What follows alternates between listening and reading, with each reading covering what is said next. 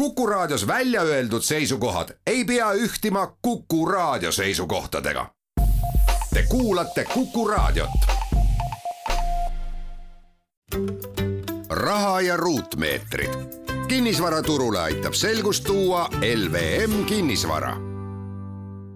tere, hea raadiokuulaja alustame kinnisvarateemalise saatega Raha ja ruutmeetrid. taas kord oleme eetris ja taas kord on külas LVM kinnisvara juhatuse liige Ingmar Saksing, tervist, Ingmar! tere! mina saatejuht, küsimuste küsija Lauri Leet täna oleme sunnitud mõnes mõttes rääkima teemast, millest on ähm, viimased nädalad meedias olnud üsna palju juttu. nimelt äh, sellise kiire hinnatõusu tingimustes on kinnisvarasektoris ostu-müügitehingute juures äh, hakanud ilmnema juhtumid, kus kinnisvaraarendajad, müüjad on hakanud teatud etappidel sõlmitud tehinguid tühistama ja ostja siis peab sellega leppima. täna räägime lahti, milles see probleem on, kui suur see oht on ja miks üldse selline olukord on tekkinud. Ingmar, kõigepealt sissejuhatuseks siis, millised need lepingud on, millest, mida on hakatud tühistama ja, ja kui suur see probleem üldse on?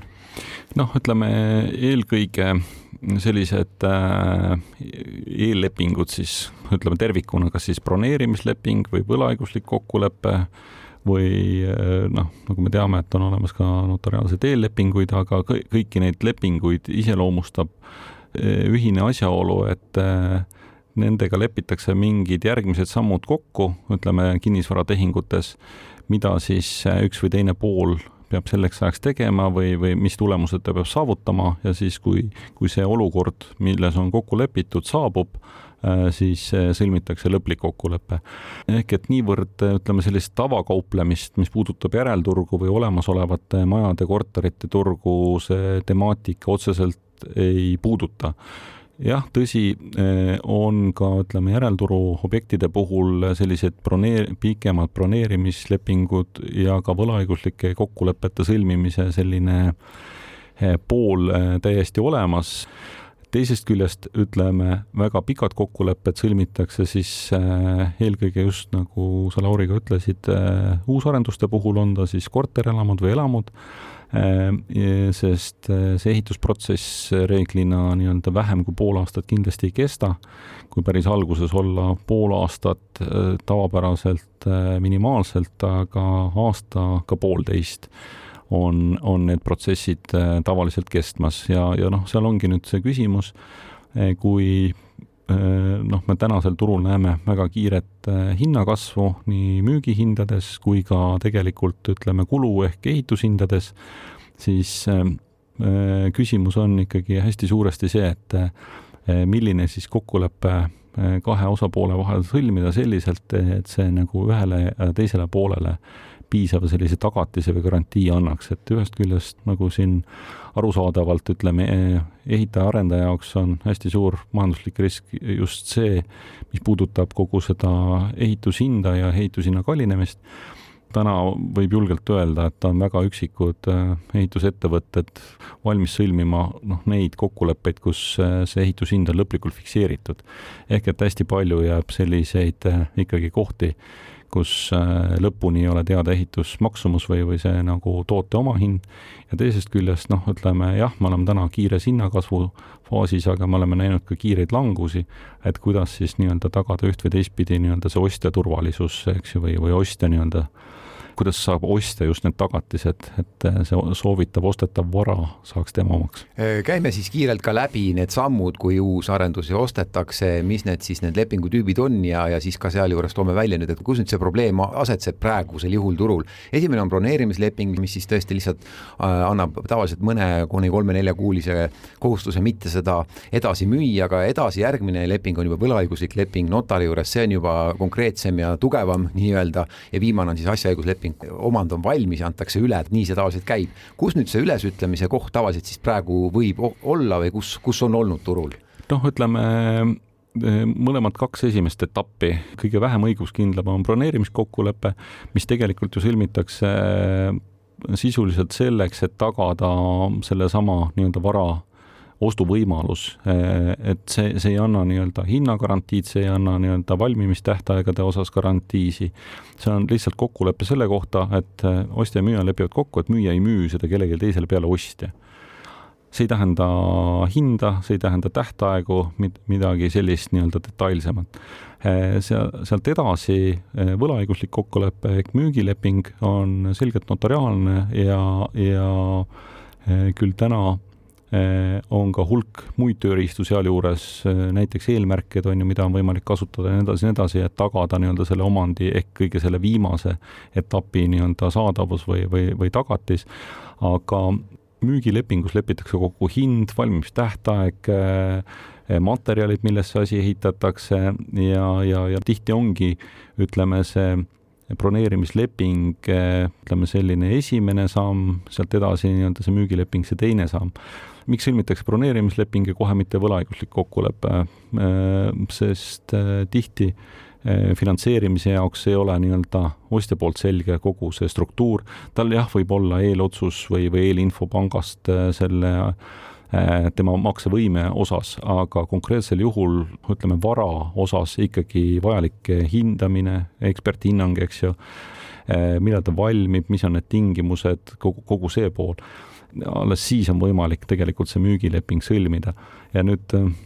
Mm, nagu me näeme ka päris pikki perioode nii-öelda selle toote ettevalmistusperioodis, äh, mis puudutab ehituslube või ka muid nõusolekuid äh, selleks, et üldse nagu ehitusega alustada. ehk et äh,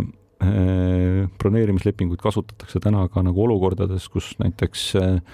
arendajale küll kuulub see kinnistu, aga tal ei ole veel selle kortermaja või, või elamu ehitamiseks olemas ehitusluba. Samas ostja huvi on just konkreetne korter või, või, või või elamu soetada ja, ja noh, see, see on nagu see põhjus, miks sõlmitakse näiteks broneerimiskokkulepe. hästi, aga võtame selle broneerimiskokkuleppe, oleme jõudnud võlaõiguslepinguni, see on sõlmitud ostu-müügileping. no talupojamõistus ütleb küll, et nüüd on nagu kindel, et see asi on olemas ja kokkulepe on sõlmitud, palju maksab, millal valmis saab ja nii edasi. aga nüüd tuleb välja, nagu sa räägid, et võib juhtumeid olla, et ikkagi tegelikult ei saagi selle lepingu järgi asi valmis ja selle hinnaga asja kätte. kuidas nii? Kaks asja, mis on kindlad siin ilmas, eks ju, surm ja maksud, et, et noh, selles, selles mõttes on ju, ütleme, leping loomulikult sõlmitud äh, selle mõttega, et sellest nagu lähtuvalt äh, käituda, juhinduda, aga noh, olukorras äh,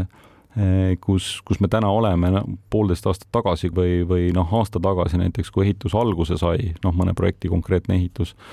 väga raske on tänast nagu olukorda hinnata, eks, ja sellepärast ju lepitaksegi lepingus kokku, mis tingimustel seda tehingut tehakse, hind, kui üks või teine osapool selle täitmisest loobub. jah, hästi palju on täna nüüd äh, siin meedias juttu olnud sellest, et äh, milline risk kaasneb ostja jaoks selle, sellel hetkel, kui, kui ta ei saa seda noh, kokku lepitud vara, loomulikult, aga see ongi nagu see põhjus,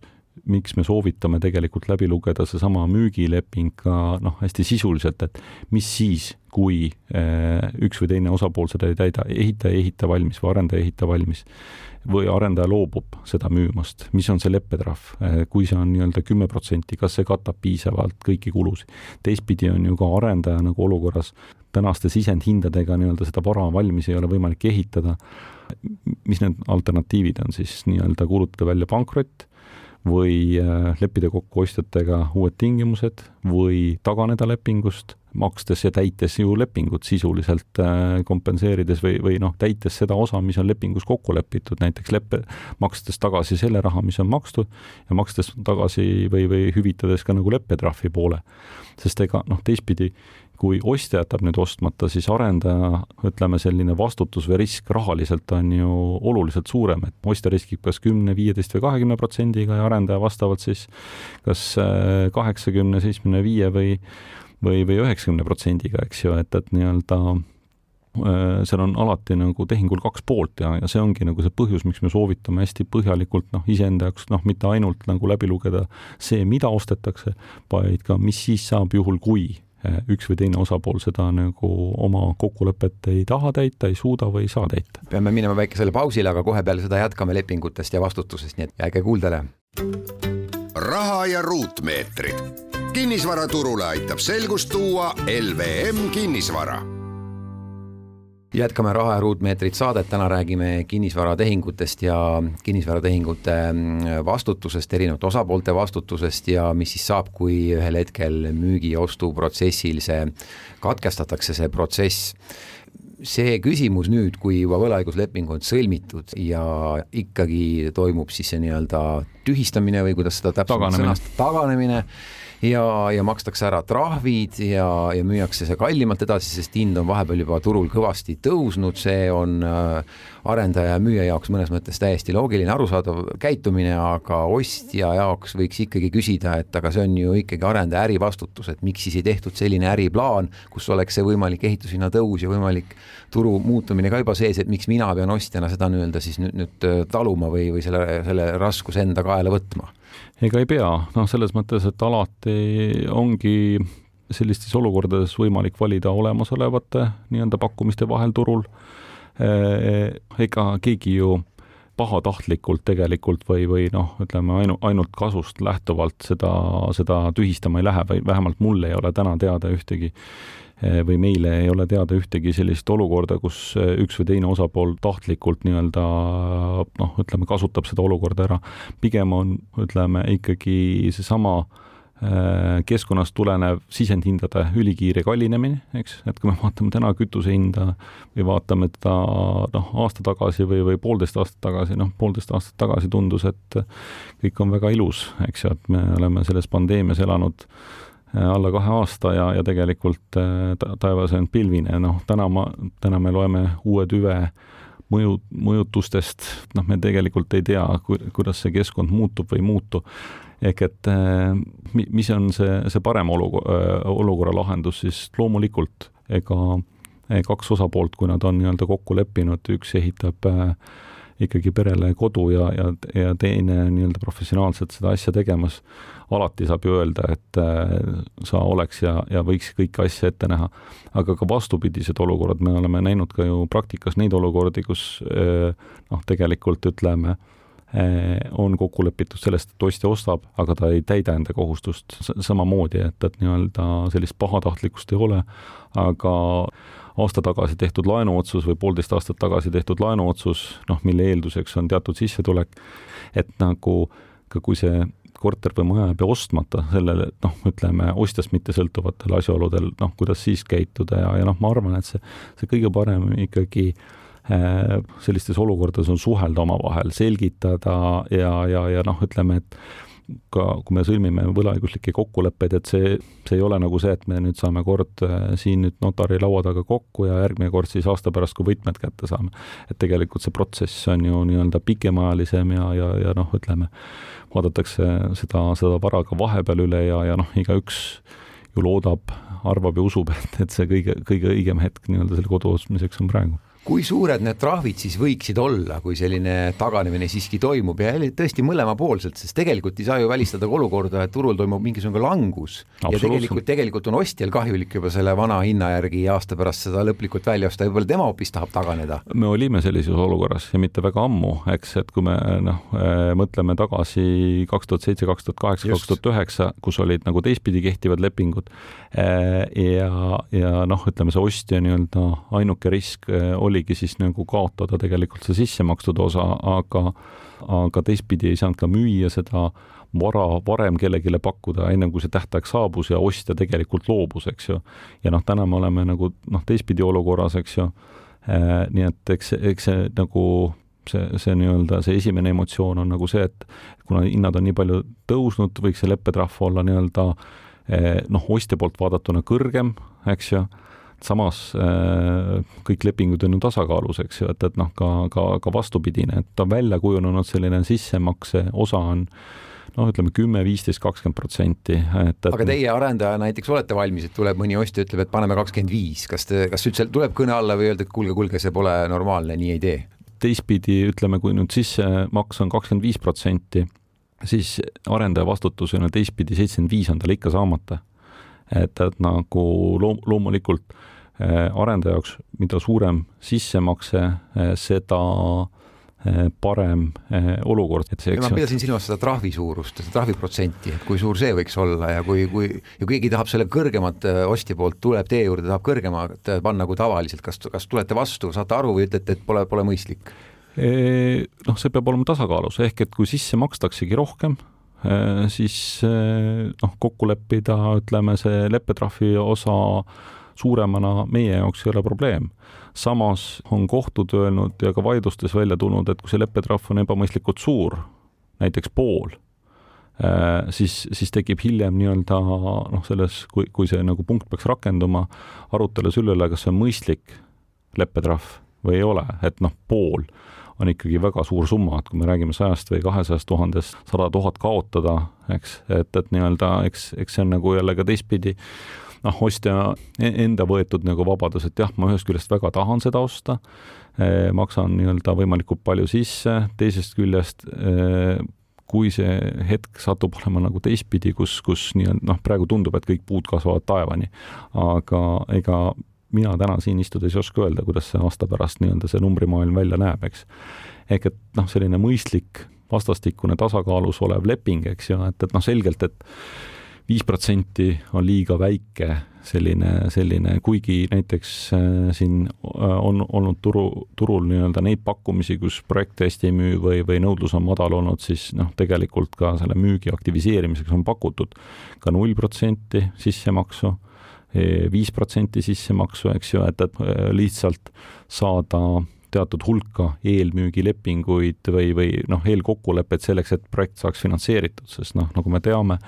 selleks, et äh, arendusprojekti finantseerida, eeldab äh, finantseerija igal juhul noh, täna vähem, varem rohkem, äh, varem viiskümmend protsenti, täna nii-öelda nelikümmend või kolmkümmend protsenti objektidest peab eelnevalt olema realiseeritud ehk ostjad leitud. et, et nii-öelda see olukord, kus sul nii-öelda ühest küljest on ehitaja olemas, aga sul ei ole piisavalt nii-öelda ostuordereid, siis sa samamoodi, ütleme selle ostja kaasamiseks, noh, langetatakse seda või on langetatud nii-öelda seda esimest sissemakset, et see ei tähenda, et need summad on automaatselt nii-öelda tasakaalus, et viis protsenti sissemakse ja, ja, ja leppetrahv viis protsenti, seal võib olla vastupidi ka. selge, nii et kokkuvõte, suhelda, leida tasakaalus lepingu variandid ja siis aga kiirelt, et kes selle suhtlemise siis võiks algatada, kes tavaliselt praegu algatab või kuidas see suhtlemine võiks siis nagu kelle, olla, kelle, kelle, kellel janu kellel janu, sellel jalad, kas arendajal või ostjal, mõlemal? noh, tege-, tegelikult eks äh, seal, seal on ka, see maailm on natukene kirjum, eks ju, et, et noh, me kõik teame, et, et nii-öelda uued kodud valmivad ka teatud sellises äh, ostja fookuses, et eri, erisoovid ja, ja lahendused, eks ju, mida suhtlemine toimub niikuinii. just, aga, aga seal on ka nagu see, et, et noh, ütleme standardlahendust või, või noh, projektijärgne lahendus äh, tõenäoliselt valmiks tähtajaks mittestandardne jälle võib-olla nii-öelda tarneraskuste taga ei, ei valmi õigeks ajaks, nii et, et noh, seal on jälle nii-öelda kõik see läbirääkimiste kokkuleppe koht, eks ju, et, et nii-öelda aga